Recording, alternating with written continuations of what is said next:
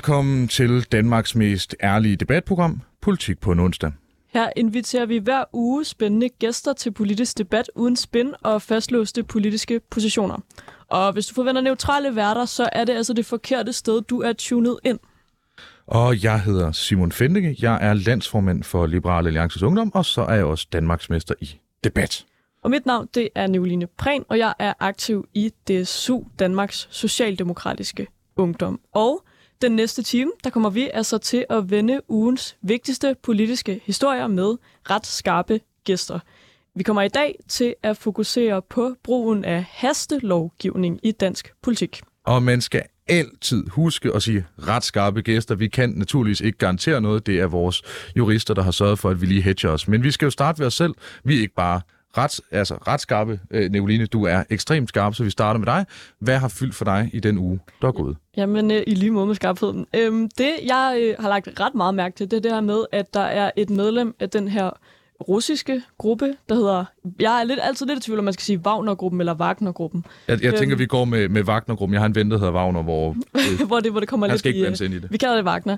Øhm, I hvert fald, så er det jo den her øh, lidt sådan mystiske gruppe, som man ligesom kæder sammen med den russiske stat, men som i hvert fald både ligesom er involveret i, i krigen i Ukraine, øhm, men som også jo for nylig, altså faktisk i sidste uge, har øh, lavet øh, noget, der sådan lidt ligner et kup mod den franske ambassade i Burkina Faso, øhm, hvor den franske ambassadør er end med at blive, øh, blive altså sendt ud af landet. Øhm, jeg kender selv, har en ven, der arbejder på den danske ambassade i, i Burkina Faso, der er dernede og siger, at det, at det altså er lidt, lidt lidt crazy, øhm, især at det så ligesom kan kædes tilbage til Rusland, øhm, når, det, når det foregår i, i Vestafrika. Men i hvert fald så er der et medlem af den her mystiske russiske Wagner-gruppe, som har søgt asyl i Norge. I hvert fald er der en, en russisk mand, som er gået over, over grænsen øhm, til Norge øhm, fra Rusland, og, øh, og, og har sagt, hey, jeg øh, kommer fra den her gruppe, og jeg vil gerne søge asyl. Og det er jo bare ret vildt, øhm, for det kunne være virkelig spændende, hvis de norske myndigheder så kan få noget ud af det. Hvis de for eksempel kan sige, okay, måske kan vi godt give dig asyl, hvis du så til gengæld giver os nogle oplysninger øhm, om den her Wagner-gruppe, øh, hvor de arbejder, hvem de egentlig er, hvem der styrer dem, øhm, og så videre, hvad de måske har planlagt endda. På den måde kunne det jo være, at man kunne komme nogle ting øh, altså i forkøbet, både i forhold til krigen i Ukraine, men ja, også alle mulige andre steder, Mali, Burkina Faso, hvor de ellers opererer rundt omkring i verden. Øhm, det synes jeg i hvert fald kunne være rigtig spændende. Det tror jeg, der er mange, der vil synes var, var fedt. Vi må så se, øh, så vidt jeg har kunne læse mig frem til, så ved man ikke helt endnu, om ham her han bare er en, der gerne vil have asyl, eller om han rent faktisk ligesom er brudt ud af gruppen for at... Øh, for, fordi han er imod deres arbejde, så, så han ligesom kunne være interesseret i at, at, at give nogle oplysninger og, og arbejde imod gruppen. Øhm, jeg synes i hvert fald, at det er virkelig spændende. Og, og den her Wagner-gruppe, altså det, det er så nogen, som står bag krig en masse steder, eller hvordan? Jo, men jeg tror, problemet er, at det er, det er bare sådan lidt mystisk. Altså, så vidt, så vidt jeg ved, så, ja, så laver de alt muligt forskelligt, sådan, både øh, ja, militært angreb, øh, men, øh, men har jo i hvert fald øh, hovedkvarter i St. Petersborg i Rusland. Øhm, og, og man, man ved ikke, altså øh, så vidt jeg ved, ved man ikke sådan, hvor meget de er kædet sammen med, med de russiske myndigheder. Øhm, men i hvert fald kunne det jo være rigtig spændende, hvis man kunne finde ud af det på grund af ham her asylansøger. Det kan, det kan jo så også være, at det bare er en, der, der siger noget, der ikke er rigtigt. En eller anden russer, der måske bare er, er flygtet fra, fra krigen, for eksempel, fordi han ikke havde lyst til at, at bekrige Ukraine længere. Det, det ved man jo ikke endnu, men det bliver i hvert fald ret spændende at følge øh, det norske politi i sagen, synes jeg. Øhm, så det vil jeg i hvert fald glæde mig til at følge med i. Jeg, synes, jeg tror godt, det kan blive ret vildt for sådan international politik. Men... Det lyder sådan helt James bond -agtigt. Ja, ikke? jeg øh, synes, altså, det er ret spændende. Man glæder sig sådan til, at de skal opklare det. Men øh, vi skal også øh, lige nå, mens der stadig er tid at runde, hvad, øh, hvad der har fyldt i ugen for dig, Simon. Altså, jeg... Øh øh, fulgte, øh, fulgte lidt med øh, online. Jeg er rigtig meget på internettet som øh, enhver, øh, enhver anden ung hvid mand, så bruger jeg masser af tid derinde. Øh, og jeg, jeg så simpelthen, at øh, der er noget øh, en underskriftsindsamling på noget folkeafstemning om Stor Bededag, som nu ja. har passeret 300.000. Altså, der er, simpelthen, der er flere, som har skrevet under på det, end som har stemt på Moderaterne til folketingsvalget. Her er afledt også øh, flere, der har stemt på rigtig mange øh, andre partier, og jeg synes, det er... Altså, jeg har fulgt meget med i den der folkeafstemningsdebat, øh, og synes jo, den er øh, uhyre spændende, fordi jeg er jo ikke selv super... Øh, sådan fanatisk om ideen om folkeafstemninger. Øh, jeg kan i parentes man godt lide tanken om et decentralt demokrati, men, men jeg synes ideen om, at alt, så hvor man skal skaffe finansiering, alt der upopulært skal til folkeafstemning, uværligt vil gøre det en lille smule svært at føre politik hele den der store bededagsdiskussion er jo blevet øh, øh, snakket stolpe op og stolpe ned igen, som jeg også sagde i sidste time. Hvis, der, altså, hvis det er noget, man gerne vil høre om, så hør den fulde time fra sidste uge. Men hele ideen, hele tanken om en, øh, en folkeafstemning, jeg blev tagget i en øh, tråd på Twitter, det, det skal man sige, det er meget meningsstandagtigt, og det positionerer mig som en, som er meget på Twitter. Øh, følg mig på Twitter, Simon Fendinge, meget nemt. Øh, at der... Øh, der, der stusser jeg alligevel over, at der også var en diskussion blandt nogle SF'ere. Øh, at der er nogen, som på den ene side synes, at, øh, at det skal vi bare have til folkeafstemning, fordi den skal vi nok vinde. Og igen, altså, hvor populært kan det lige være at, at afskaffe en helligdag. Og samtidig nogen, som er på den samme fløj, som jeg er, nemlig at det er det er lidt en glidebane, og det kommer til at gøre det lidt svært at, øh, at skaffe finansiering i fremtiden, fordi folk øh, vil, vil rigtig gerne bruge penge, men de, det er meget sjældent, folk gerne vil skaffe dem. Det er nu engang sjovere at være indianer, end det er at være høvding. Ja, præcis. Jeg tror i hvert fald også, at jeg synes, at det her folkeafstemningsargument er lidt mærkeligt, for det bliver meget sådan, hver gang der er et eller andet, man er meget uenig i, så skal det bare til en folkeafstemning. Jeg synes, det er fair nok, hvis man sådan øh, i, i, i ligesom arbejdet med, hvordan vores demokrati skal fungere, vil argumentere for, at vi generelt skal have flere folkeafstemninger. Det kan jo, det kan jo godt give mening. Det gør man jo i lande som for eksempel Schweiz, har man, har man meget mere direkte demokrati, hvor, hvor borgerne er så nede og, og stemme. Det, det synes jeg godt kunne være spændende, men jeg synes dermed at gøre det, hver gang der er noget, man selv er uenig i, øh, det, det bliver lidt mærkeligt, og jeg tror, du har ret i det her med, at Stor Bededag jo, jo helt klart, hvis man stemmer om, hey, vil du have en, vil du miste en fridag? Øhm, hvorfor skulle man så have interesse i at, at stemme ja til at, at afskaffe den her helligdag? Det vil jo være rimelig øh, mærkeligt. Øhm, Nå, altså, hvis der blev øh, lavet folkeafstemning om at sænke skatten eksempelvis, så tror jeg, vi vil have en, en væsentlig anden skattesats, end vi har i dag, fordi folk er jo ikke øh, nødvendigvis øh, super glade for at betale skat. Altså, Nej, men jeg ved godt, så... der kommer den der med, at vi betaler skat med glæde, mm. øh, og så kan man sige, hør, hør, jeg betaler skat med penge, hahaha. Øh, men tilsvarende, så vil, altså folk vil jo gerne have en hel masse øh, offentlige services, skatteyder betalt gratis, hvad, hvad ord man nu bruger, der er jeg ikke så fanatisk. Øh, men folk vil jo, vil jo sjældent gerne betale skat. Altså, det er jo, der er Nej, men, og præcis det samme med det omvendte. Ikke? Hey, vil præcis. du have mere velfærd? Vil du, hey, vi skal investere i sundhedsvæsenet? Skal vi investere i uddannelsessystemet? Så stemmer folk også ja. Så jeg tror, du har ret i det her med, at der er jo en mening i, at vi, vi stemmer på nogle mennesker, der ved noget om det, der mener noget, der repræsenterer vores holdninger. Og så er det dem, der, der kører det for det meste. Og sådan fungerer det bedst. Der skal jo være balance i tingene, og øh, guderne skal vide, at øh, selvom øh, jeg kunne øh, få min vilje på store bededag, hvis, øh, hvis det røg til afstemning, så øh, må man jo sige, at befolkningen er, som be- befolkningen bør være, for at citere Boris Johnson, der citerer Thatcher, I'm pro having cake and I'm pro eating it. Eller på dansk, jeg kan både godt lide at have kage og spise kage. Ja. Og med det, om til noget helt andet, med et lille stykke med musik, det der professionelt set hedder en skiller.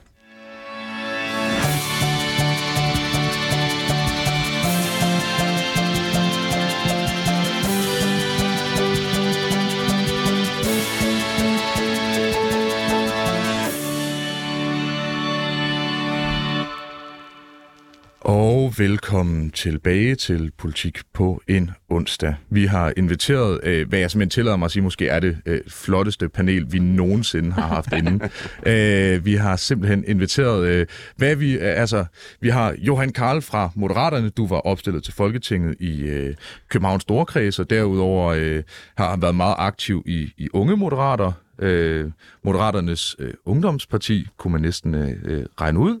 Og så har vi Solbjerg Jacobsen, du er jurist, du er beskæftigelses- og ligestillingsordfører, ordfører for Færøerne, blandt meget andet, men først og fremmest nyvalgt, tæller jeg mig stadigvæk at sige, folketingsmedlem for Liberal Alliance. Er der noget i jeres titler, jeg har glemt? Er der dårlig stemning fra start, eller er vi good to go? Nej, super, super god stemning. Super ja, god stemning. Det, jeg starter også med at kalde jer flotte, så, ja, ja, det sige, så skaber man også noget, noget, noget fejlmagen. Og så kører vi, det er altid, det er godt, vi, vi starter sådan lidt soft op. Hvad der har fyldt for jer, eller hvad der fylder for jer for tiden, optimalt set noget politisk, det kan også være noget privat, personligt, hvis I gerne vil have mit Hvis jeg har brug for nogle råd, for eksempel. Øh, jeg, jeg er selv et, et meget venligt og blødt menneske sidst. Jeg, jeg følte noget var i 2009. Johan, du er lidt mere i kontakt med dine følelser. Hvad har fyldt for dig den sidste uges tid? Øh, jamen altså, det, det, det kedelige svar er jo, er jo stor bededag, det fylder jo meget, men, øhm, men, men jeg, har faktisk, jeg har faktisk brugt rigtig meget tid på at, at blive lidt overrasket over, at pludselig at det, abortdebatten er blusset lidt op igen. Mm. Øhm, I Danmark, øh, både med, med den ene og den anden side, både den, den side, der mener, at, at grænsen skal, skal hæves lidt, øhm, og så den side, der, der mener, at det kunne også godt være, at vi skulle kigge på, om det overhovedet skulle være der. Øhm, og det, det har jeg lige fået lidt chokket over, at, at, at den også eksisterer, den anden del af det. Mm. Øhm, Ja. Same. ja. Så, øh, så, så det har jeg, det har jeg brugt, øh, brugt det nu på også at blive lidt farvet over, tror jeg. Og hvor, øh, fordi jeg ved, i, i DSU, som jeg jo er aktiv i, der, der ligger vi os der, hvor vi synes, vi skal hæve grænsen, og så der skal være en, en, en længere periode for, hvornår man må få foretaget en abort. Hvor, hvor er I, I unge moderater på den? Ja, altså, øhm, jeg synes jo, jeg synes jo personligt, at, at, at jeg, jeg synes jo, at man er et liv, når man, når man har hjerneaktivitet, ikke? Og det, det har man jo ikke rigtig, altså det har man jo... Det kan godt jo, være et lidt farligt argument, hvis man tager det til sin ekstrem. Ja, ja, jeg ved godt, jeg ved godt, det, jeg skal passe lidt på, ikke? Men, men u, øh, u 21-22, jeg mener, det er noget deromkring, så jeg synes, jeg synes sagtens, man kunne hæve den som minimum i hvert fald til, til u 18, som, som man har i Sverige blandt andet. Og dem, der aldrig får hjernekapacitet, den kan vi så altid... Nej. Vi får, vi, vi, ja, ja, ja, det, der kan i hvert fald godt, godt hurtigt opstå nogle, øh, nogle, nogle lidt prekære situationer, hvor man skal evaluere hjerneaktivitet, og hvad vi i øvrigt læser ind i, i, i, i den pointe. Jeg vil sige, jeg, jeg havde nok ikke øh, stået her i dag, hvis, øh, det, hvis det havde været op til et, et bredt flertal i befolkningen. Øh, Solbjørg, hvor står du på abortdebatten? Jamen, øh, vi er jo vi går jo ind for fri abort, og øh, jeg synes ikke, det, som du siger, der det, der overrasker mest, det er det segment, der nu lige pludselig vil sige, at kan vi tage snakken om, det skal være der eller ej. Altså, så kan man tage snakken om, det skal være 12, 14, 16 uger, eller hvad man selv mener, og hvad de forskellige partier mener, men man snakken om, det skal være der eller ej, det skal der være i Danmark. Vi har fri abort i Danmark, og det skal vi blive ved at have. Og hvordan, Solbjerg, du er, du både er du ordfører for Færøerne, og så er du vist også, du er også selv fra Færøerne. Jeg er fra, jeg kommer fra et samfund, hvor de ikke er tilladt at få Ja, en abort. Um, og uh, det er ikke et samfund, jeg ønsker mig her i Danmark overhovedet. Hvordan er din fornemmelse af Færøerne? Er, er, de, er de på vej? Jeg tror, det er på vej. Um, det er jo meget svært på Færøen. Færøen er en kompleks størrelse i forhold til, at der er meget konservative og religiøse miljøer. Men der er også håb og, og mennesker, som begynder at, at ture uh, snakke højt nu og sige de her svære ting, som ellers er, folk bliver meget... Det, det, det er jo meget små samfund, og uh, det her små bysamfund og små bygder, så det kan være meget svært at ture stå imod at sige de her ting. Så derfor så, øh, så synes jeg, at uh, alle os her i, i Danmark, som ikke har fået en hjerneblødning og synes, vi skal afskaffe fri abort, vi skal simpelthen bare bakke op og, uh, og give dem nu styrket op på færøen, fordi selvfølgelig så skal det også have fri abort derop. Udfordringen ved at få en hjerneblødning er selvfølgelig, hvad sker der som hjerneaktiviteten? Og så står så, øh, ja. jo, Johan som moderat jo lige pludselig Og kan øh, aflive alle. Ja. det er nærmest, nærmest kantiansk dilemma. det er, øh, Men det er altså ikke det, der optager mig. Det, der optager mig, det er jo som beskæftigelsesordfører, at folk snakker om store bededag i hele dagen. Ja, og, Og hvor, det er faktisk, altså hvis man skal øge arbejdsudbuddet, så skal man jo som bekendt afskaffe øh, abort. Det er bare for lige at lave en, en overgang til det emne, du Det rigtig er- gerne vil snakke om. Der kommer flere børn, øh, så på den måde, så kan man jo... Kristendemokraterne helt, Stormen, der er skulle lige sige det er velkommen til Marianne Karlsmose. Øh, nej, men det var bare for at runde, runde den anden af, fordi ellers så bliver det sådan meget hurtigt abrupt overgang fra abort til store bededag. det var en flot overgang. Øh, ekstremt flot overgang. Øh, altid arbejdsudbud. Det, der kan man godt mærke, at øh, jeg er skolet af Cepos Akademiet. Man kan altid lige lave en lille blød overgang på noget arbejdsudbud. Jeg synes jo personligt, altså på abort, fordi det er jo også noget... Øh, øh, altså, jeg, noget af det, jeg er glad for, det er, at man begynder at diskutere det, fordi jeg, jeg er jo selv øh, ret liberal i, at altså 18 uger, øh, for min skyld også, øh, hvis det er lægevidenskaben, øh, mere end det. Men noget af det, jeg lidt har savnet i den offentlige debat, er jo faktisk hele en debat om, altså det, det er sådan etisk moralsk. Altså jeg kunne godt tænke mig, at folk i højere grad tager stilling til, er det her det rigtige at gøre, andet end man udelukkende bruger lovgivning som øh, altså, så, som sit pejlemærke, fordi det er jo, altså dem, der er mest hyppige til at få en abort, det er, det er folk som min egen forlod. Det er folk, der er øh, start midt 20'erne, øh, altså fra relativt gode kår, unge kvinder, lang videregående uddannelse, som, som synes, det passer ikke så godt ind lige nu. Og jeg synes, det kunne være rigtig fedt, som Jens Rode fik super meget hug for i sin tid. Måske også, fordi hans formulering var, øh, den, var ikke, den var ikke så meget i skabet, at, øh, at det gjorde noget, men at man begynder at, at overveje det. Derfor kan det jo være sundt at have den her diskussion en gang imellem. Både det rent medicinske, hvor langt skal man have lov at trække, men også at folk måske en gang imellem, når der er lovgivning, bliver nødt til at overveje, jamen hvad er det moralsk rigtige for mig en diskussion, jeg har meget med min forlod. Jeg er måske lidt mere øh, laissez-faire-liberal og lidt mere 18 uger end hende, som, som måske ikke er lige så... Jamen, det øh, synes jeg er meget interessant. Ja. Altså, der vil sige, personligt har jeg en helt anden holdning, og det har jeg egentlig holdt for mig selv, men jeg synes nemlig lige, at du bringer det op. Det er meget vigtigt. Altså, for mig selv, jeg vil ikke tage en abort. Nå, altså, så, men det er jo min personlige overbevisning. Men jeg synes da ikke, at jeg kan tage den beslutning for alle kvinder i Danmark. Nej, præcis, for jeg tror også, Simon, at der jo er noget i, at den her øh, debat om moral og etik, den, den tror jeg, at mm. alle kvinder, der overvejer at få foretaget en abort, jo har med sig selv. Mm. Øhm, så, jeg, så jeg tænker, at det, at den bringes op offentligt, synes jeg er spændende i forhold til, at man kan hæve grænsen. Men, men, men, men udover det, synes jeg ikke, det er noget, der er brug for, for jeg er ret overbevist om, at det enkelte menneske godt selv kan tage den beslutning. 100 procent, og det er jo netop også, altså jeg, jeg er jo på, på, på Solbjørgs hold i, i det scenarie, og det er også derfor, jeg sagde, altså det er noget, min forlod jeg er sådan rimelig enige om, at ingen af os er sådan helt tosset med, øh, med, med abort, men, men synes samtidig, at, at, at det vil være øh, ærgerligt, hvis det, at vi har øh, en holdning, og så kan man godt anklage os for relativisme, men at det nødvendigvis lovgivningsmæssigt skal trækkes ned over hovedet på de ret mange mennesker, som ikke deler min overbevisning. Mm. Øh, så, så jeg synes, at det, det vigtige er bare, at man, man har overvejelserne også, også inde i de små hjem eller store hjem, jeg dømmer ikke nogen, øh, at, at man lige får en diskussion om, jamen, hvad, er, hvad er det rigtige for en selv, så længe at man selvfølgelig også synes, at lovgivningen skal skal rumme andet og mere end bare ens egen holdning. Og med det, og uden jokes om arbejdsudbud, Solbjørg, du har tænkt på Stor Bededag, ligesom 90 procent af befolkningen. Hvad har du tænkt om Stor Bededag? Jamen, jeg har tænkt om Stor Bededag, at øh, det, har, det er blevet noget andet end Stor Bededag. Og øh, det er blevet nærmest en folkebevægelse for, hvordan har regeringen startet sit nye job som regering. Og det har den gjort på en øh, yderst øh, usmagelig måde i min optik, fordi jeg synes, de har lavet et kryds med forsvarsforliget, der skal til at øh, forhandles om, og der, så skal man stemme for deres forslag om at afskaffe store bededag. Og det er jo egentlig ikke kun, fordi de kun vil bruge penge i forsvaret, men lige præcis det penge, man får ud af store bededag, det er simpelthen Joachim von And øremærket til at skulle gå til forsvaret. Og det er jo lidt sjovt, fordi at der er jo egentlig mange penge, der skal til for at løfte forsvaret. Og så lige præcis det her 3 milliarder, det er til forsvaret. Og kun det. Så hvis vi ikke er med til at afskaffe store bededag, så kan vi ikke være med i forhandlinger om forsvaret. Psykiatrien har ingen nævnt. Det skal også have løft på 3 milliarder. Så man har lavet det her kryds. Så det er jo egentlig regeringsmåde at føre politik på, som det startede på, som har fået hele Danmark, fagbevægelsen i forhold til den danske model, til at vågne op og sige, hvad laver I? Og det gør jeg også selv. Ja, Johan, hvad laver I? Men altså, Jamen, nu laver I her, ja. Ja, du bliver fuldstændig. Øh, Johan, jamen, du det, som minister, hvad, hvad laver I? Ja, øhm, jeg synes jo egentlig, at, at, at det er reelt nok, at, at man ligesom siger, at der skal findes nogle penge til den her varige øh, finansiering af forsvars, for, eller forsvarsforlidet. Øhm, og, og vi har så kommet med et forslag til en finansiering, som kommer i afskaffelsen af stor bededag. Mm. Jeg synes også, det er fair nok at være uenig i den.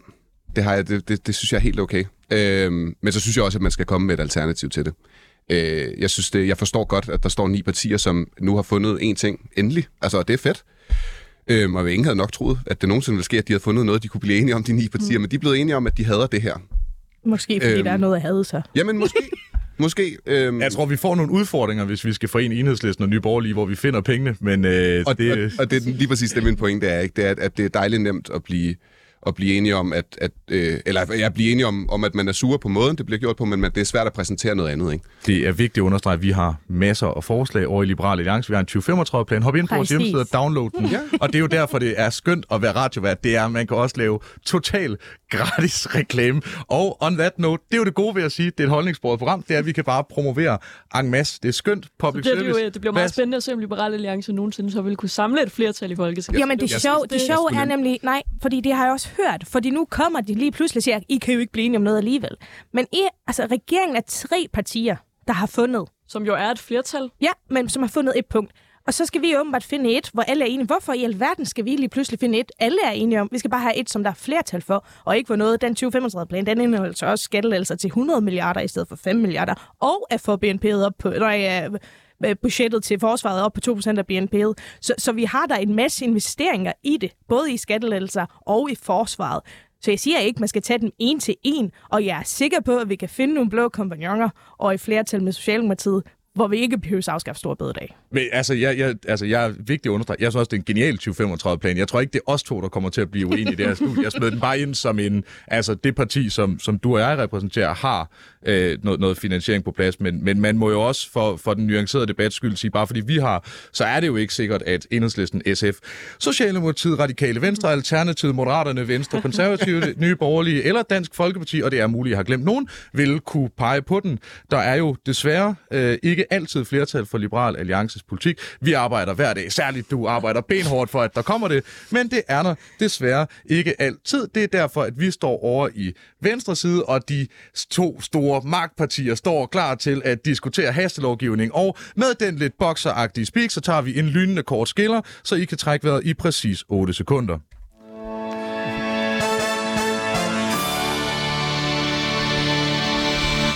Ja, for du lytter til Politik på en onsdag med Simon Fendinge og Nicoline Prehn.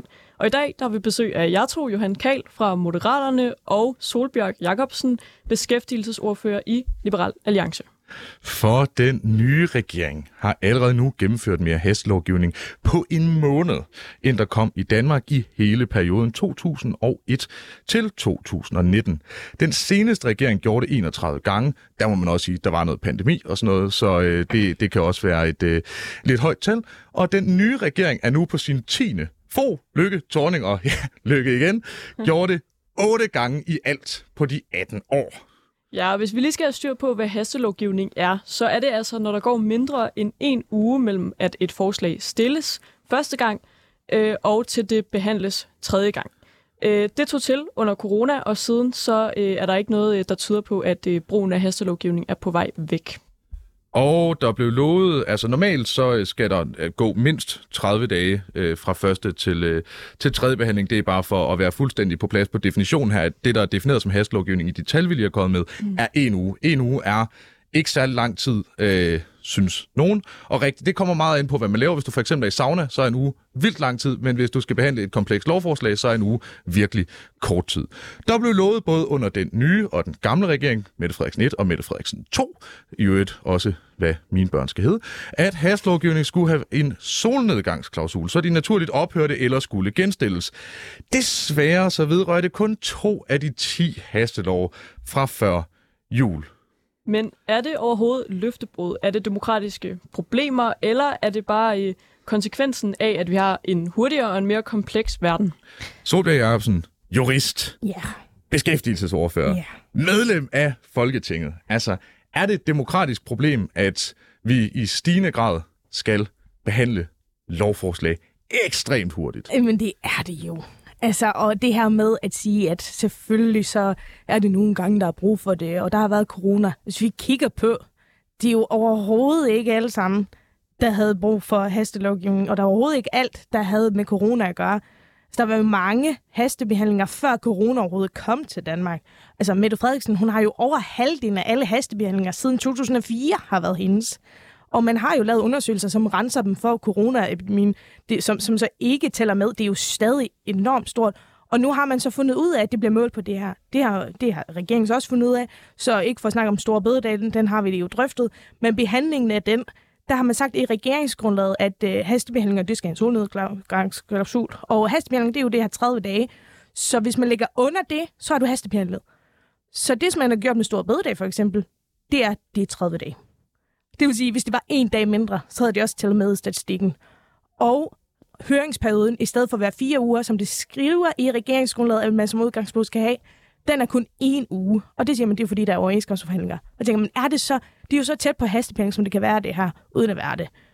Og Men Men, det- hvorfor er det? Er det fordi, der kommer en stor bededag næste uge, som vi ikke er klar på, eller et eller andet? Altså, det, det er jo lidt komisk, det her. Men Solbjørg, er der ikke et eller andet med, at der er en ny regering, man vil gerne øh, nå en masse ting, man skal have dem igennem. Er det så ikke fair nok, man siger, okay, vi, vi ligger altså, altså over grænsen, vi ligger faktisk på de her 30 dage, det er ikke hastebehandling. Altså, man bliver vel også nødt til at nå nogle ting. Jo, men så tager du dig fra den anden side, fordi høringsperioden er kun en uge i stedet for fire uger. Så det kan godt være, at det ikke, altså hastebehandling er ikke noget, der står i lovgivningen eller noget.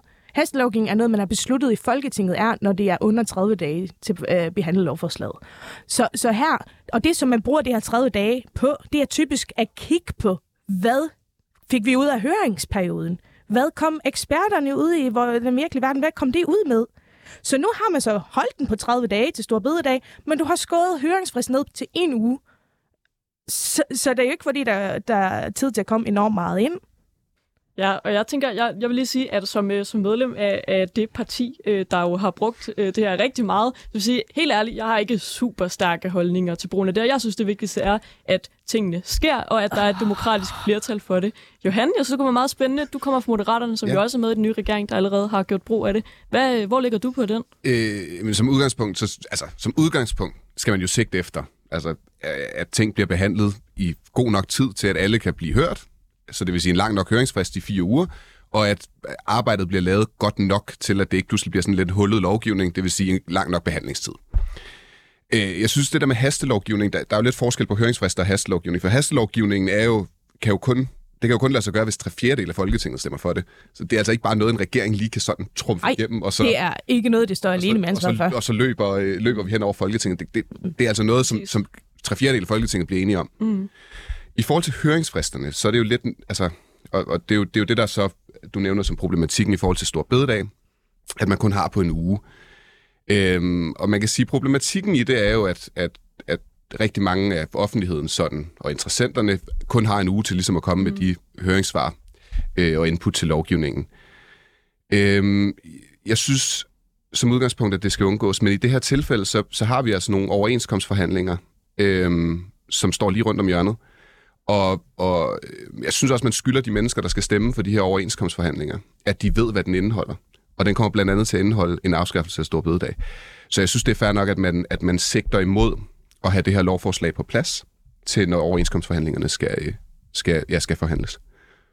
Men altså, det, og, og det, det anerkender jeg, øh, hvis det var et enkeltstående tilfælde, men, mm-hmm. men, men 10, 10 på halvanden måned, det er jo altså, det er relativt, relativt meget, altså, og i agiterer jo begge to, både Nicolina og Johan, for, for grundigt arbejde.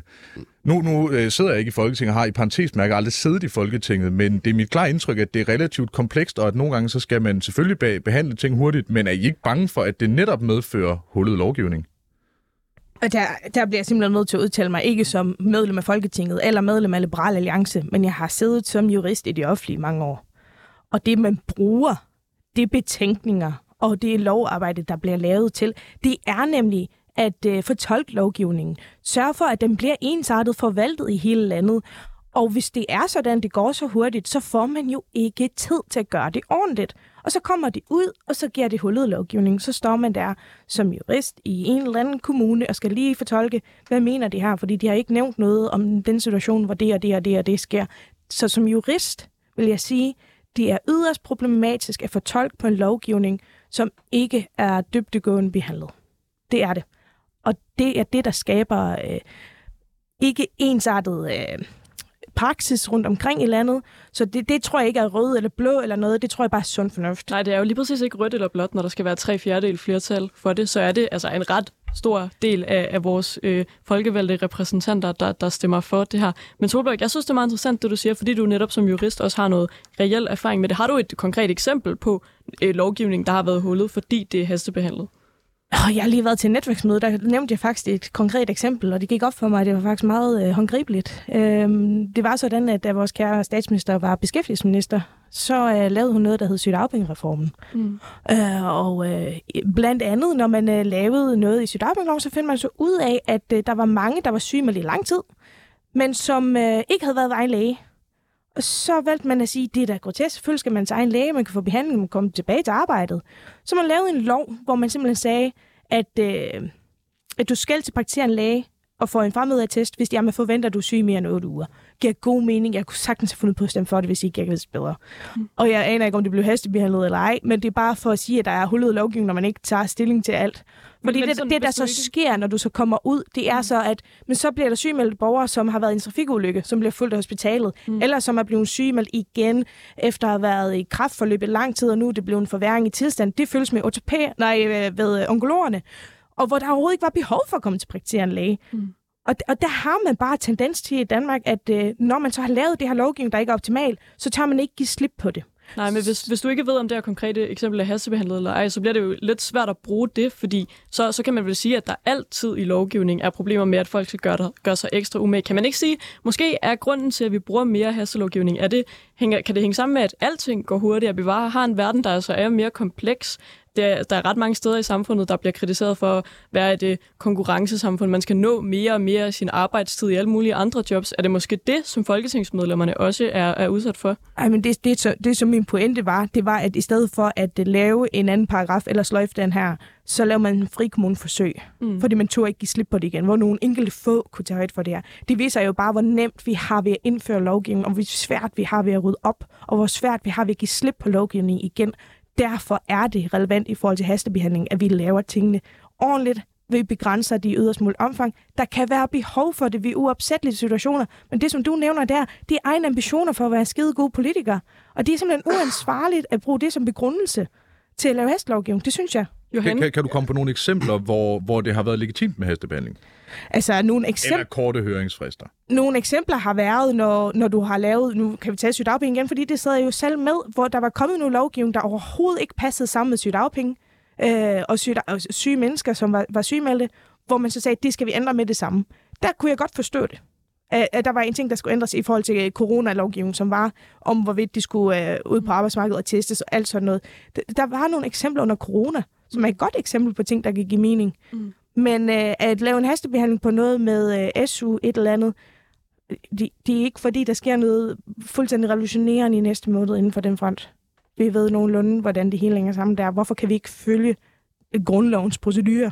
Johan, er du ikke bekymret for, som Solbjørg siger, at det bliver politikernes øh, ambitioner, og måske nogle af de politikere, der kommer fra, fra vores parti, i hvert fald fra, fra midterregeringen, deres ambitioner om at nå rigtig meget, at, at det kommer til at stå i vejen for, at tingene bliver behandlet ordentligt? Øh, helt sikkert, hvis man stod i en situation, hvor det krævede bare et helt almindeligt simpelt flertal. Men, men forskellen er jo lige præcis, som du også nævnte før, at det kræver tre fjerdedel. Så, så man kan sige, altså det, det er jo ikke fordi, at den regering, vi har nu, bare siger, at vi vil gerne have indført det her, det her, det her, og vi vil faktisk gerne helst undgå, at vi når at få det behandlet ordentligt og sådan nogle ting, så lad os bare trumle det igennem. Det, det kan ikke lade sig gøre, fordi så kan resten af, af Folketinget heldigvis lige hive lidt i bremsen. Eller kan man bare hive af høringsperioden i stedet Eller for? hive høringsperioden ned. Jo, det, er jo, det er jo så, men det er jo ikke helt at hastebehandle. Det har jo noget... Det er jo... jo, men det er igen altså en dags forskel, og så tage 75 procent af høringsperioden. Det er det samme. Om haste, hastebehandling handler jo om, hvornår, hvordan du behandler lovforslaget. Høringsperioden er jo, er jo eller høringsfristen. Jeg tænker, jeg tænker hvis vi lige afdjøficerer debatten en lille ja. smule, ja. øh, så, øh, så, altså, så lad os sige hastebehandling for sig og, og korte høringsfrister for sig. Altså, om, om vi kalder det hastelovgivning eller for hastet lovgivning, det er jeg sådan set øh, et eller andet sted lidt ligeglad med. Øh, at det her, det handler om både selvfølgelig hastelovgivning, lad, lad os sige, at øh, den, den parkerer vi lige, men så i hvert fald væsentligt kortere høringsfrister. Fordi hastlovgivning, øh, som I selv nævner, der skal være tre fjerdedels flertal, øh, det kan i sig selv også øh, nogle gange være et problem, bare altså tre fjerdedel har ikke nødvendigvis altid ret, men altså kortere høringsfrister, fører det ikke til dårligere politik? Øh, som udgangspunkt, så jo. Det er jeg sådan set enig i. Og det er også derfor, jeg siger, at, at, at hvis nu at den her periode med, med et par gange med korte høringsfrister i streg her, hvis den nu fortsætter de næste fire år, og vi kommer til at rulle, øh, lad os sige, 10, altså hver eneste gang, så er det korte høringsfrister. Jo, så er det da et kæmpe demokratisk problem. Men, men, men lad, os nu, altså lad os nu lige se. Mm. Altså det, det her, det, det, der er ikke gået lang tid. Lad os nu lige se, om ikke at de forhåbentlig, regeringen lever op til det med, og at der skal, at de fire uger, som, som der er lagt op til, at vi, at vi sigter efter i regeringsgrundlaget, det, det har altid været noget, der eksisterede. Altså, VLAG-regeringen dengang med, med Liberal Alliance med, mm. havde altså også 22 korte høringsfrister. Ikke? Øhm, mm. det, det, det er ikke et helt nyt fænomen, som vi aldrig har set før. Og jo, vi skal selvfølgelig prøve at undgå det, fordi det er altid bedre, jo flere mennesker, der kan blive hørt i samtalen. Men, men, men altså, regeringen har jo arbejdet stærkt på... Vi starter med at blive kritiseret for, at alle de lovforslag, der kommer, der nedsætter vi en kommission. Og hvis ikke vi nedsætter en kommission, så nedsætter vi nærmest en kommission til kommissionerne.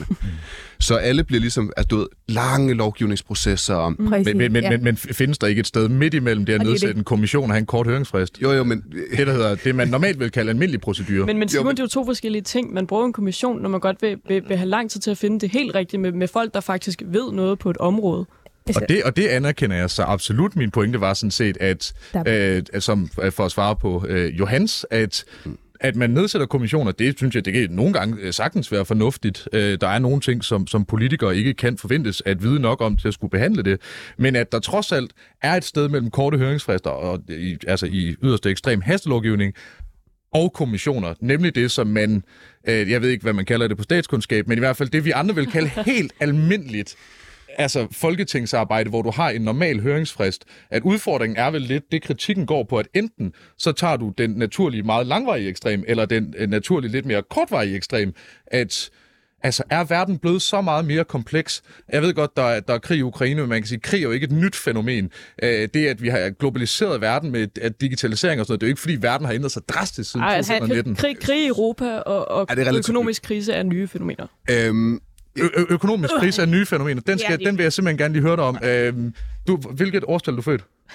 Jeg, jeg mener inden for, for, for politik de seneste altså 50 år. Øh, øh, I 2008, øh, der var der en amerikansk bank, der krakkede, øh, hvilket medførte to-tre år med et relativt Ja, præcis, stort... og derfor synes jeg i den periode, at det er fair nok, at man reagerer på det. Jeg synes, det giver meget god mening. Ligesom i corona, der er nogle ting, der går rigtig hurtigt. Der er nogle mennesker, der bliver smittet, men bliver nødt til vedtage nogle ting, så, så man, man kommer det med. Ligesom at man nu, hvor man står i en økonomisk krise, måske har brug for at vedtage nogle ting, så der er nogle mennesker, både måske nogle virksomhedsejere, også nogle helt almindelige, øh, måske øh, borgere, der modtager sociale ydelser, der altså ikke bliver ramt så hårdt, og hvis man, hvis man kan gøre det på en måde, hvor to tredjedel flertal af Folketinget er for Men- det, så synes jeg, det er helt fint. Det går Men hvis vi hurtigt, kigger på vi er i nogle coronastøtten til små virksomheder, så vedtog I det relativt hurtigt. Til gengæld så er det kun en tredjedel af de her virksomheder, der har fået pengene. Al- Altså, så man kan sige, skulle I måske ikke overveje at, at begynde at haste Eksekvering. Eksekvere, mm. snarere end haste lovgivning. Altså, lige, lige argumentet med det der, det, det ville være fint nok, hvis der rent faktisk var blevet udbetalt nogle penge. Men øh, jeg tænker, de der to tredjedel af små og mellemstore virksomheder er pænt ligeglade med, hvor hurtigt lovgiver. De vil bare have pengene. Og øh, altså, to år, det er alligevel lang tid at skulle, øh, skulle drive en virksomhed. Jeg har ikke øh, personligt selv drevet en, øh, en, en virksomhed, desværre. Det kan, selvfølgelig, øh, det kan selvfølgelig være, og så håber jeg selvfølgelig ikke, at jeg bliver afhængig af statsstøtte. Og hvis jeg gør, så håber jeg at kunne hjælpe mig ikke det med en socialdemokratisk regering, fordi så går jeg konkurs. Tak for ordet. Nu tager vi en lille skiller.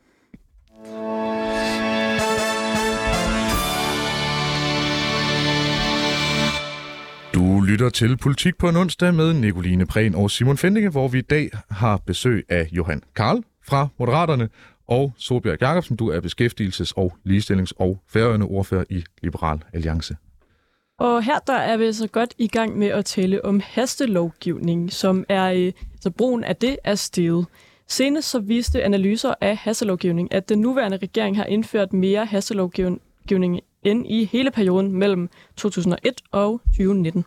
Yes. Og Rasmus Jarlov, øh, det er jo sådan lidt en unlikely alliance, øh, tweetede til analysen, øh, øh, som i øvrigt kommer fra Cepos. Vi skal også være fuldstændig øh, øh, legitime i det. Jeg tænker ikke, at øh, det at tælle ord nødvendigvis er så øh, forskelligt, om man er en borgerlig eller en venstreorienteret tænketank. Ligesom med Mink-sagen og andre af regeringens fortrædelser, så er det ikke regeringen, man skal bebrejde mest. Det er Folketinget. Vi har lige igen til stående applaus valgt en formand fra et regeringsparti, og vi vil fortsat intet gøre mod haslovgivning, og så skal man så ublu ublu bonusser og meget andet. Jeg tænker, vi holder lige... Jeg ved ikke, hvem det er, der skal have de her bonusser. Øh, men øh, men det, det kan man jo overveje, øh, hvis det er til dig, Solbjerg. Tillykke. Kæmpe respekt. Det falder sammen med øh, Cepos analyse af regelmængden, der er mere end tredoblet siden 1990, hvilket næppe reducerer politikernes arbejdsmængde. Johan Kahl, er det, er det bro, altså brugen af hastelovgivning, kommer den for ligesom at komme nogle af de her regler til livs? Er det fordi politikerne ligesom gerne vil måske afbiokratisere? Fordi der er så mange regler, de skal rundt om os selv, at de bliver nødt til at bruge hastelovgivning.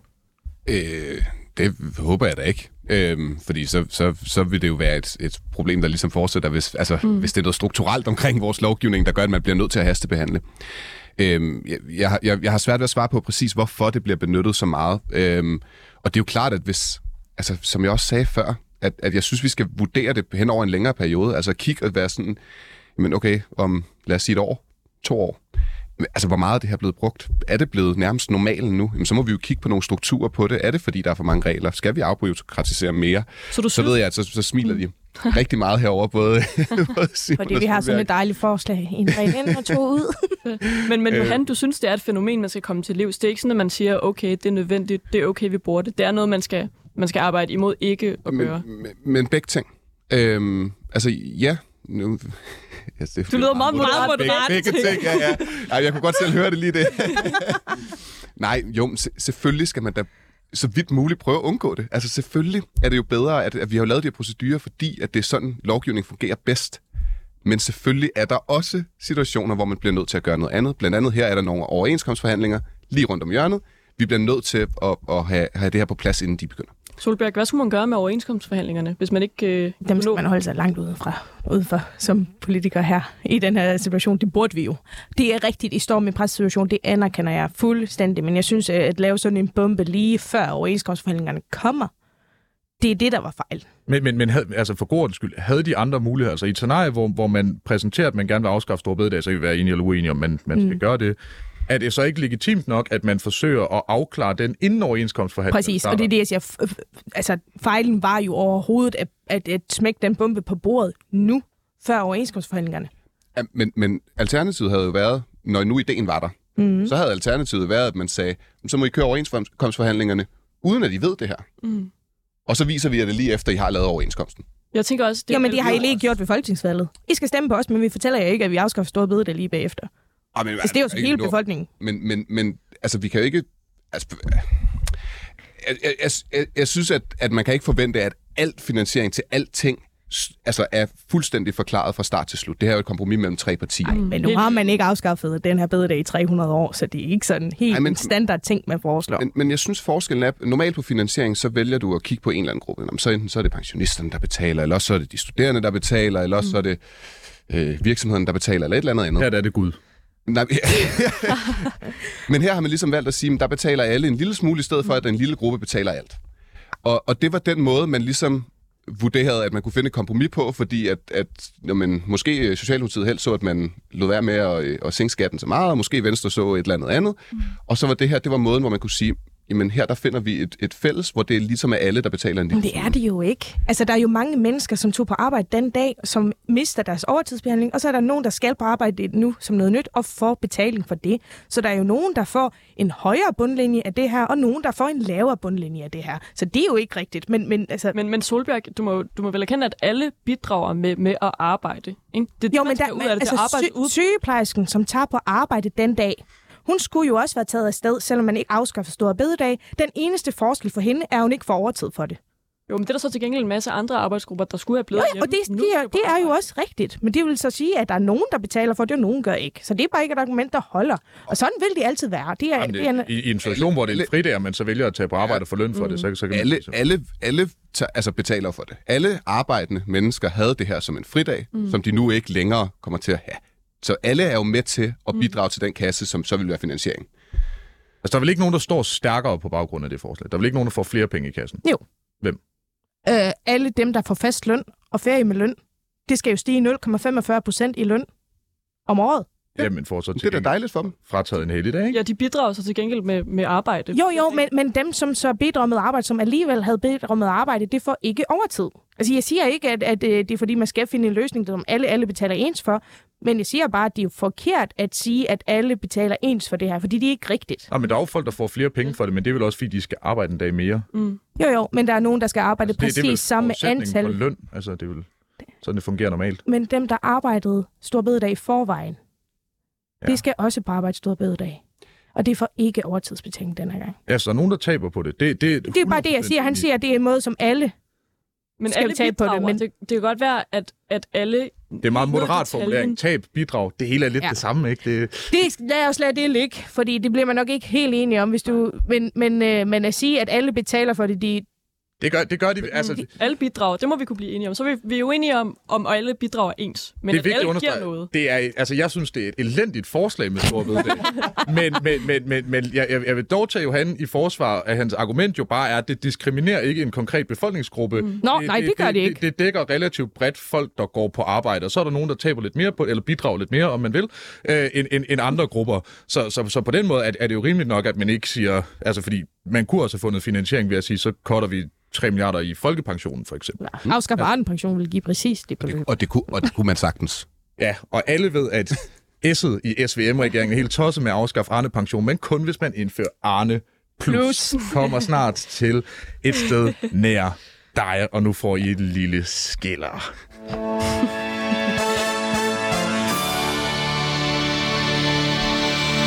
Ja, du lytter til Politik på en onsdag med Simon Fendinge og Nicoline Prehn. Og i dag der har vi besøg af jer, Johan Kal fra Moderaterne, og Solbjørg Jacobsen, beskæftigelsesordfører for Liberal Alliance. I går stod en samlet opposition frem. Ja, vi har lidt været inde på det, ikke? øh, og nægtede regeringens ultimatum om, at forlidet om stor bededag var en forudsætning for fortsatte forsvarsforhandlinger. Det var fem F'er i træk. Ja, men er det rimeligt at forvente, at siger man A, så siger man også B? Er det rimeligt, at alle uden for regeringen stiller sig på bagbenene over for det krav? Er det endnu et skridt i retning af en dårligere lovgivningsproces? og Solbjørg. I står sammen med en, lad os være ærlig, lidt broet opposition, øh, sammen om at sige nej til, til det ultimatum. Altså, er det her ultimatum en glidebane, siger jeg på en meget ledende måde, for at starte debatten? Hmm. Altså, det er jo lidt sjovt, fordi at det jo, jeg tror ikke, det er fordi en samlet opposition havde tænkt sig at stå samlet imod regeringen. Det tror jeg simpelthen ikke, at enhedslisten og Nye Borgerlige har haft møde om at være enige om.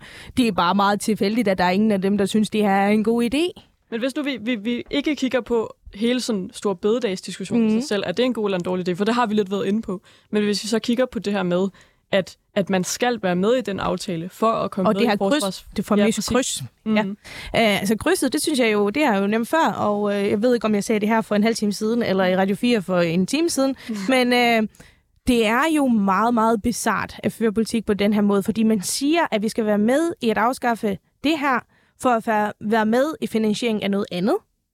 Men jeg har ikke set, hvad, vi, hvad det er, vi skal sige ja til for at være med til at give psykiatrien et løft på 3 milliarder. Så, så jeg laver, hvor, hvorfor er stor bededag ikke til finansiering af psykiatrien så? Eller noget andet, man vil investere i? Men det er vel netop fordi, at man laver en forsvarsaftale, hvor man jo, vi har jo et mål om at give flere penge, end vi har gjort før. Jo, jo, men vi har også, øh, vi har, der er jo mange, der tænker, at uh, psykiatrien skal have et løft. Mm. Så, så, men, så hvilket lovforslag vi, kommer man til at, at krydse det med? Men når vi kommer til diskussionen af det, så skal pengene jo også findes et sted. Ja. Sådan helt generelt. For jeg tror også, jeg synes, det her det er at trække det ret skarpt og sige, hey, hvis I ikke er med i den her enkelte aftale, må I heller ikke være med i den anden. Men sådan helt generelt giver det så ikke god mening i politik. Det er vel sådan, politik er, altid at man forhandler. Men... Hvis man ikke kan finde pengene, så kan man jo heller ikke bruge dem. Nej, men vi, hvad skal vi bruge dem til? Altså, vi har jo ikke forhandlet forsvarsforledet endnu. Så hvorfor skal vi være med til at finde penge på noget, vi ikke engang er blevet enige om endnu? Vi ved ikke engang, om vi vil købe varen. Så hvorfor skulle vi gå imod vores egen politik? Jeg synes, øh, det er... Altså vi, altså, vi har vel vedtaget, hvad vi vil bruge pengene på. Altså, mm. så, så, jo, jo, hvad vi vil bruge dem på, det er rigtigt. Altså, hvilket område det skal være i. Men forsvarsforhandlingerne har ikke været der endnu. Ja, men noget hvordan forledet skal se ud. Det har vi. Det, det, det er ikke sket endnu. Det kommer vel fra det nationale kompromis, ikke? Mm. Hvor, hvor man kan sige, at man så har fundet ud af efterfølgende, at der er en varig, at der, der udstår en, ligesom en, en varig finansiering på, hvad jeg mener, det er omkring 5 milliarder om året. Jeg kan ikke 100% huske det. Jeg mener, det er 5 milliarder om året. Mm. Og, og der har man ligesom sagt, at vi skal jo finde de her penge. Det var ikke helt lige så midlertidigt, som vi troede, det var, så vi kunne Ej, det er simpelthen løgn. Det var der. Det, det er simpelthen, fordi man skulle have det ned fra 3, 2033 ned til 2031 eller et eller andet. Ja, man vil, øh, 2030. Ja. Altså, så, så, så, så det er det, det handlede om. Ja, at man vil og, nå og så man mangler en varig finansiering mm. på 5 milliarder om året. Den varige finansiering har man så valgt at sige, men så finder vi den ved at afskaffe stor bededag. Og så, så, kan man, så kan man synes, at krydsningen er noget, men, men det er jo en reel nok. Vi, vi, har, mm. vi finder nogle penge til at bruge nogle penge. Og jeg synes som udgangspunkt, at hvis du vil være med til at bruge pengene, som, som Nicoline siger, så skal du også være med til at finde dem. Fuldstændig enig. Men Solberg, er det ikke rimeligt nok at kommunikere på marginalen? Altså at sige, at hvis vi skal finde de her penge, så må man sige, hvad er det for en ændring, vi laver andre steder? Er det, er det ikke en okay måde at kommunikere på, eller hvad? Mm, jo, hvis det var, at vi, øh, vi skal være med til at finde pengene. Altså, nu sad jeg selv til møde med beskæftigelsesministeren, dengang vi fik det her forslag præsenteret, mm. hvor jeg så spørger, okay, hvornår kommer forhandlingerne så, om man kan foreslå noget andet? Ej, men det kommer til at ske. Så det var ikke op til forhandling. Vi havde ikke mulighed for at finde pengene. Og jeg ved godt, at både Ellemann og Lykke har været ude at sige, hvis de kan komme med et forslag, så skal vi nok være åbne. Men det fik vi at vide, det er de ikke. Og det var ikke, det var ikke fordi, at øh, vi ikke havde givet et forsøg eller noget. Og så siger man jo, men det blev alle sammen inviteret i fredag, så skulle komme med et eller andet. Det var ingen, der gjorde. Okay, undskyld mig. Altså, herregud, I har brugt tid på, hvor meget, meget tid på at lave den her regering. Hvor, meget, hvor mange timer har I fået til at drøfte det her? Og så skal vi bare komme på stående fod med noget andet. Altså, hvorfor har man ikke åbnet jo. en reel forhandling om at finde finansiering til det her? Johan, er det et problem, hvis at øh, SVM-regeringen ender med at holde de andre partier ude fra deres beslutninger? Øh, ja, altså hvis, hvis det bliver sådan en... Nu snakker vi ikke med nogen partier, for nu er altså de næste fire år, ja, det vil da være mm. lidt ærgerligt øh, for demokratiet. øhm, Men er du ikke nervøs for, at, at det her kan ligesom danne sådan præsident nej, det sådan, for nej, det, man gør nej, fremover? Nej, det er jeg ikke. Øhm, det, det, det, det tror jeg ikke på, hverken af, af, er målet for regeringen eller for nogen andre i Folketinget, at, at, det, at det er sådan, vi skal have vores demokrati på.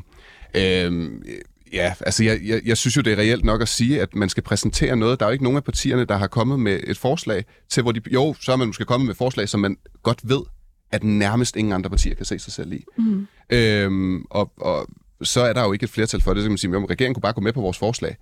Ja, men det må også godt være realistisk nok til, at man tror på, at regeringen kunne gå med til det. Øhm, og, og, og det synes jeg mangler, øhm, når man præsenterer. Der kunne også være et, et, forhandlingsforum, hvor man så drøftede det her det er det, som vi har savnet. Altså, der er jo nogle penge, der ikke blev brugt på, på noget initiativ og øh, inflationen, og der er noget rådighedsbeløb, der ikke er opbrugt. Der er mange ting. Altså, der hvor nationale kompromis egentlig havde finansiering fra start. Det vil være lidt ærgerligt at, at sige, at den varige finansiering skulle bruges for råd, råd, det, det økonomiske råderum. Det vil, det vil være lidt... Øh, det vil, det vil være en, en, en vild måde at, at, at gøre det på, synes jeg i hvert fald. Og vi kunne selvfølgelig simplificere den her og sige, at uh, der jo ikke er noget uh, tydelig evidens for, at det kommer til at være en varig finansiering. Det er en helt anden diskussion til en helt anden dag. Uh, rigtig spændende diskussion, bare at snakke økonomi i en time. Det er den våde drøm for fire djøffere. Jeg er klar. Øh, same, det er jo, altså, det, det er min drøm. Altså. Øh, og, og med det, så Solbjørg har øh, måske øh, Danmarks travleste program, blandt andet på grund af SVM-regeringens korte høringsfrister. Så Solbjørg har simpelthen taget sine høretelefoner af. Det kan også selvfølgelig også være en, en form for magtdemonstration. øh, men, øh, men det tyder på, at, øh, at hun simpelthen skal til at sprinte ud af studiet. Er det korrekt forstået, Solbjørg? Jeg vil simpelthen afslutte med et citat i Vandrehallen, hvis ikke man har set det nu. Det hænger under Helle Thornings øh, portræt. Der står, der kommer god gerning vil have tid, men tid vil også have gerning. Og det er simpelthen min holdning til både hastelovgivning og syltekrukker. Så den klare balance, den skal findes.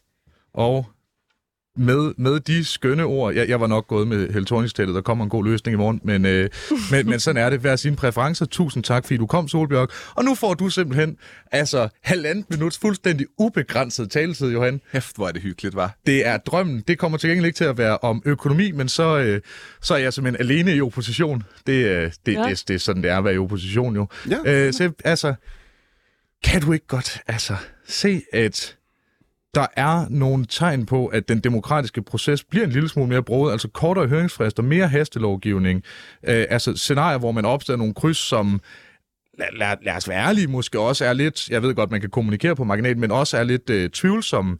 Er det, er det ikke grunden til, at man skal have en flertalsregering for at komme de her ting til livs? Er det, er det ikke nogle halvusunde signaler, øh, uanset om man er moderat eller ej? Øh, jo, jeg er enig i, at, at, at, at der ligesom har været nogle, nogle tegn på det, ikke? og, det, og det, det, det tror jeg også regeringen, eller det er regeringen også, ikke? det står ret tidligt i deres mm. Øh, regeringsgrundlag, at vi skal sigte efter fire ugers høringsfrist. Mm. Øh, så derfor håber jeg også, og tror på, at sådan kommer det til at være i fremtiden. Øh, nu har der lige været den her, og det er super ærgerligt, at den så ligger som noget af det første. Mm. Men det har været nødvendigt at have en kort høringsfrist.